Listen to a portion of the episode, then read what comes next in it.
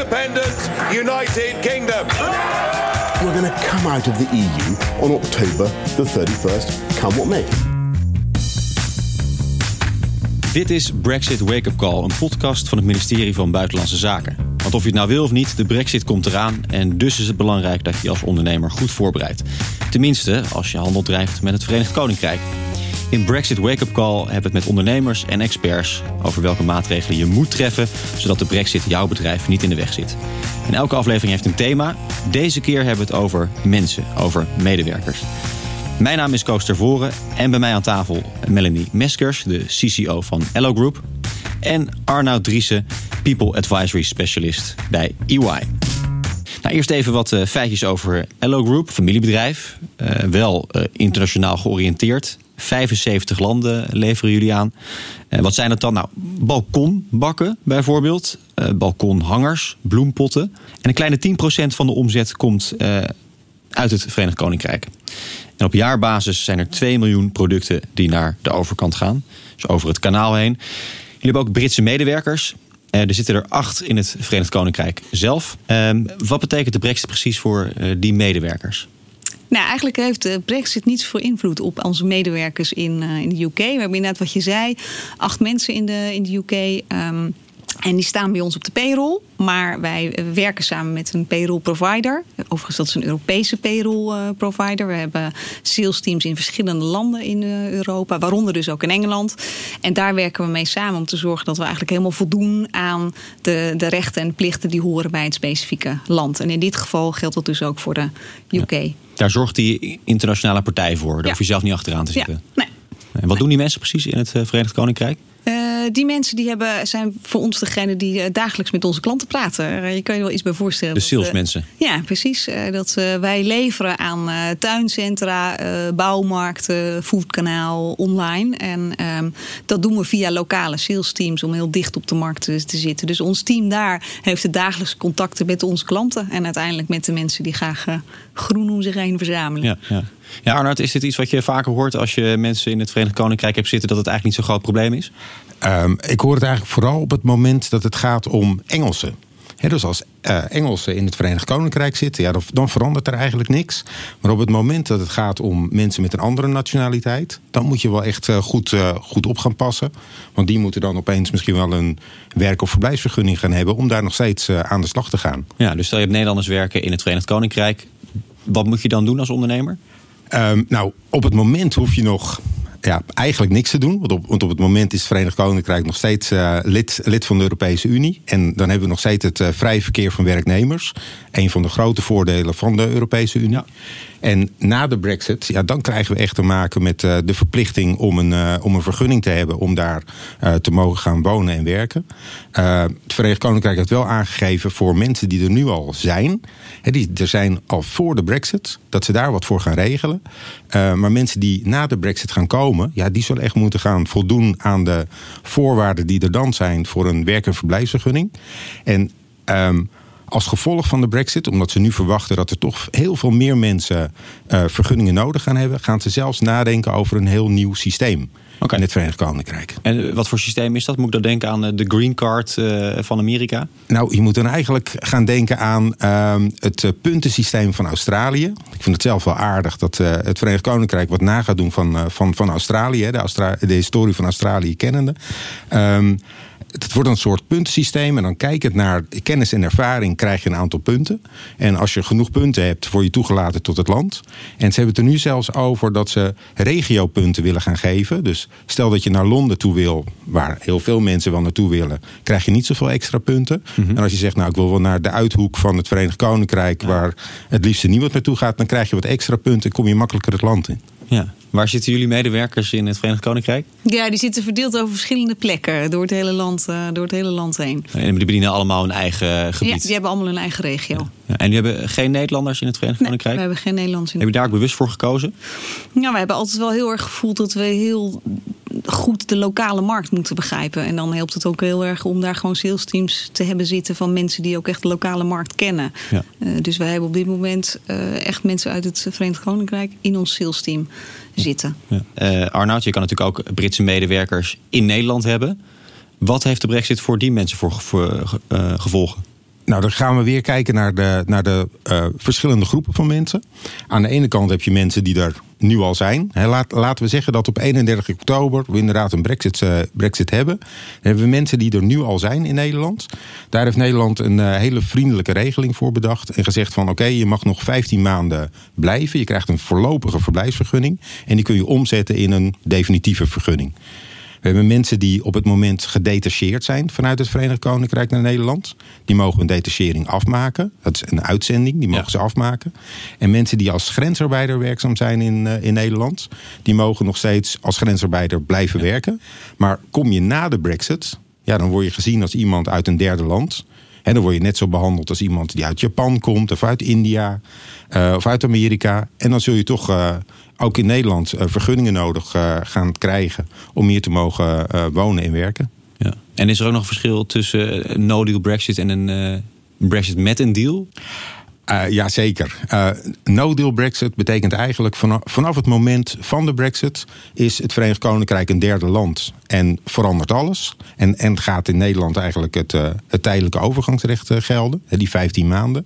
En bij een deal Brexit hangt misschien een klein beetje vanaf welke deal het misschien uiteindelijk gaat worden. Um, maar bij een, bij een deal Brexit wordt er eigenlijk gezegd van... goh, Verenigd Koninkrijk, je blijft nog onder de regels gelden... die er nu ook gelden voor alle EU-medewerkers. Uh, dus het vrije verkeer van, van werknemers blijft gewoon nog van toepassing... Uh, gedurende de transitieperiode. En die is tot 31 december 2020. Um, en ja, dan blijft alles nog het oude, bij het oude tot, tot dat moment. Ja. Uh, Melanie, waar houden jullie rekening mee? We weten niet precies wat er gaat gebeuren. Dus we hebben de scenario's in kaart gebracht. En voor ons zit het met name in het uh, operationele en het commerciële... waar de grootste impact uh, zit. Dus met name ten aanzien van transport. Ja. Maar ook het zorgen dat we onze contracten met klanten goed hebben opgesteld. Maar ja, eigenlijk ook het echt helpen van, van klanten. Dat is ook wel hoe ik echt wel naar Brexit kijk. er is enorm veel onduidelijkheid. Maar ook een hele grote kans, denk ik, om onze klanten echt te helpen en te begrijpen met welke issues zij zitten. En wat wij kunnen doen. Nou, er zijn natuurlijk best veel klanten ook in, uh, in Engeland die nadenken over ja, hoe ga ik mijn winkel uh, uiteindelijk bevoorraden? Hoe ga ik dat doen? Hoe gaat die hele keten er nog voor mij uitzien? En de grote ketens van ons die hebben ervaring met het importeren van producten, want daar hebben we het dan over. Terwijl de kleinere uh, zaken zijn die die ervaring niet hebben. Nou, dan proberen we echt wel samen met hun te kijken van nou, welke oplossingen zien we daarvoor. Dus, en, en spelen die mensen die dan voor jullie in het Verenigd Koninkrijk zitten daar ook een belangrijke rol in? Absoluut, ja. absoluut. Dat, dat, ja, dat zijn onze mensen daar die samen met de klant naar de situatie kijken. En uiteindelijk staat voor, voorop dat wij hun klanten willen helpen om, uh, om de juiste producten te kunnen kopen. Ja, ja, ja. Zie je dat ook zo? Uh, dat het ook kansen biedt, uh, de brexit, Arnoud?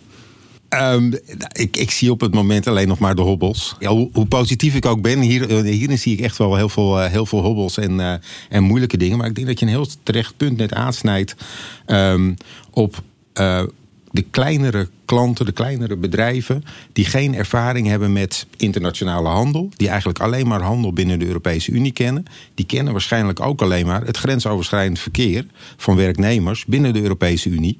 En dat was eigenlijk heel makkelijk. Hè? Daar was eigenlijk alles voor geregeld. Ja. Je mocht zo in een ander land gaan werken. Um, als dat nu voor het eerst is dat je te maken krijgt met die Nederlander die de grens overkomt, waar je wel wat voor moet gaan regelen, dan is dat allemaal nieuw. En dan moet je opeens gaan denken: oh, ik heb een vergunning nodig. En dan is het niet zo dat je op vrijdag zegt van goh, je begint op maandag.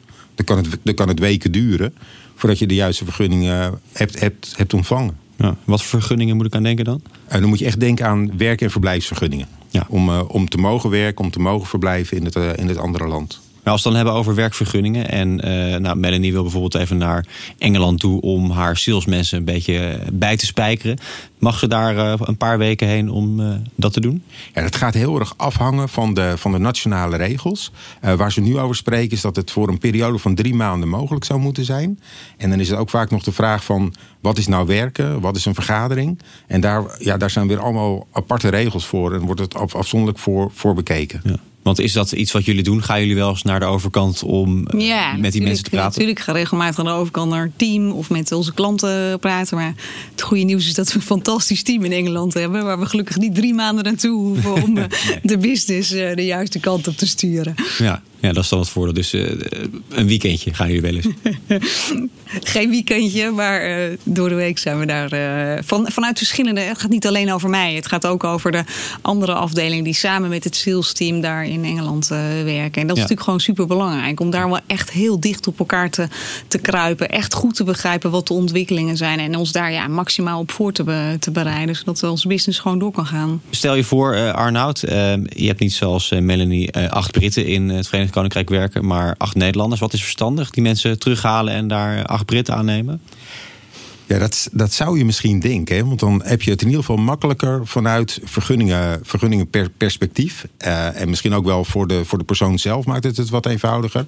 Maar workforce planning is echt een, uh, ja, een, een heel vak, vak apart. Dan ga je kijken naar wie wil ik op welke positie in mijn organisatie hebben.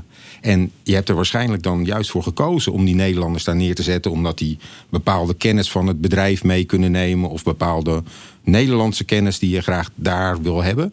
Uh, en dan die, die kun je dan niet vervangen door een, uh, door een, door een Engelsman. Oké, okay. ja, weet ik eigenlijk niet als, ik dat, als je dat nu zo zegt. Hè. Wij nee? hebben ook een heel Nederlands product. Hè. Wij produceren in, uh, in Tilburg. Onze ontwerpen zijn vanuit, vanuit Nederland. Maar het team daar en de Britten daar zijn prima in staat om uh, een, ja. een, Nederlands product daar uiteindelijk op de juiste manier aan de man te brengen. Maar jij bedoelt misschien meer de typisch Nederlandse producten vanuit de kaas en de. Kaas en tulpen. Uh, uh, ja, bijvoorbeeld. Of, of als je een, bepaalde, een bepaald gevoel vanuit je bedrijf daar graag wil hebben, waarvan je een Nederlandse vertegenwoordiger ja. van het bedrijf wil hebben. Als je iemand uit de familie per se op locatie wil hebben, bijvoorbeeld, ja, dan kun je ja. niet zeggen, jij bent nu Engels. Ja. Maar halen jullie de Britse medewerkers ook vaak naar Nederland om ja. nog even ja. bij te praten? Ja, want zij hebben natuurlijk heel nauw contact met uh, de verschillende afdelingen bij ons ook. Hè. Of het, uh, het category management team is, of het uh, productie is, logistiek, finance. dus daar is heel veel heen en weer. Ja. Contact. Ja. En gaat dat nog voor problemen zorgen dat Britse medewerkers af en toe naar Nederland komen om bijgespijkerd te worden? Ik verwacht van niet. Is dat geen probleem, Arnoud? daar hebben we in Nederland wel mogelijkheden voor binnen de vergunningen die er, die er zijn. Maar in theorie is het minder makkelijk dan het was voor, de, voor, de, voor een brexit. Binnen Europa, vrij verkeer werknemers, geen enkel probleem. Ja. Um, na de brexit nadenken over misschien is het wel een probleem... omdat uh, ja, het, het vrije verkeer verdwenen is.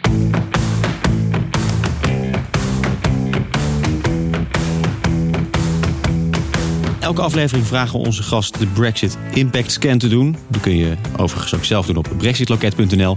En door die scan zie je precies welke maatregelen jij als ondernemer moet nemen om je optimaal voor te bereiden op de Brexit. Nou, Melanie, uh, ook jij hebt hem gedaan. Ja, we hebben hem twee keer eigenlijk gedaan. Hè? We hebben hem eigenlijk de eerste keer gedaan toen de scan er was. Nou, ik denk uh, een jaar geleden, langer. Um, en vervolgens was er een nieuwe scan. Dus we hebben ah, eigenlijk twee keer een keer gedaan.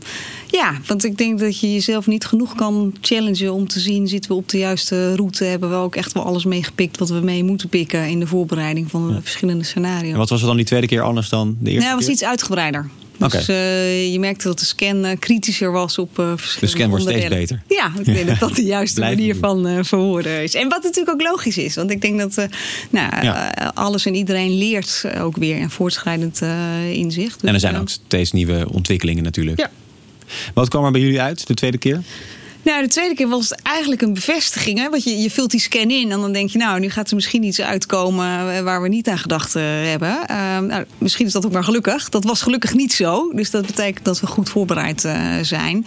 En het geeft wel gewoon weer even duidelijk de aandachtspunten uh, aan waar we gewoon vooral op moeten blijven letten. En wat zijn jullie aandachtspunten? Nou, waar ik je nou net over, over sprak, is we moeten zorgen dat die transport gewoon goed, goed gaat. We moeten zorgen dat we de, de, de klantencontacten en de contracten goed, uh, goed hebben. Um, ja, dus er is een rits van, van maatregelen die je moet nemen. Maar zoals het nu eruit ziet, staan we er gewoon goed voor.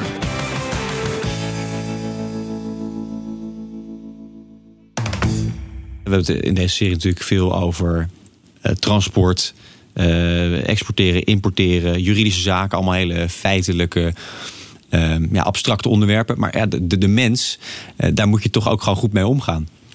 Zeker. Ik denk dat uh, eigenlijk de, de zachte kant, ja. het, uh, het wegnemen van de angst, dat dat misschien nog wel het, het allerbelangrijkste is om te doen. Wat mensen misschien vergeten, is de kant van de sociale zekerheid. Ja. Uh, mensen die grensoverschrijdend werken binnen de Europese Unie. Dus ik, bijvoorbeeld, ik, ik word uitgezonden van Nederland naar het Verenigd Koninkrijk.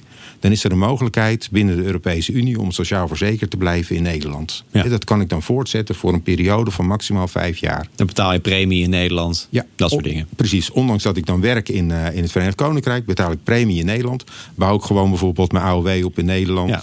Blijf ik onder de Nederlandse zorgverzekeringswet vallen. Dus eigenlijk blijft zoals ik, uh, zoals ik het ken. Um, als, de, als het Verenigd Koninkrijk geen onderdeel meer is van de EU, dan zegt Nederland in ieder geval ja. Dan heb je niks meer aan die, aan die verordening. Kun je niet meer in Nederland sociaal verzekerd blijven bij zo'n uitzending.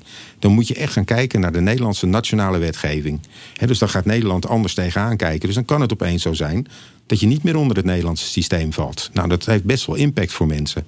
Ja. Uh, hoe het Verenigd Koninkrijk daarnaar gaat kijken, dat is nog een beetje de vraag. Uh, die hebben nu gezegd van, goh, wij gaan de, de, de verklaringen die afgegeven zijn onder de verordening, die blijven wij res respecteren zoals, zoals die er zijn. En die willen eigenlijk met iets komen dat een beetje lijkt op de, op de EU-verordening voor sociale zekerheid. Dus als je uitgezonden wordt vanuit het Verenigd Koninkrijk, dat je in ieder geval nog een periode van misschien twee jaar in het Verenigd Koninkrijk dan sociaal verzekerd kunt blijven. Ja. Um, dan kun je alleen wel situaties krijgen dat je of in beide landen verzekerd Dubbele raakt. premie. Dubbele premie, dubbele kosten. Dus ook dubbele kosten voor, voor de werkgever. Ja.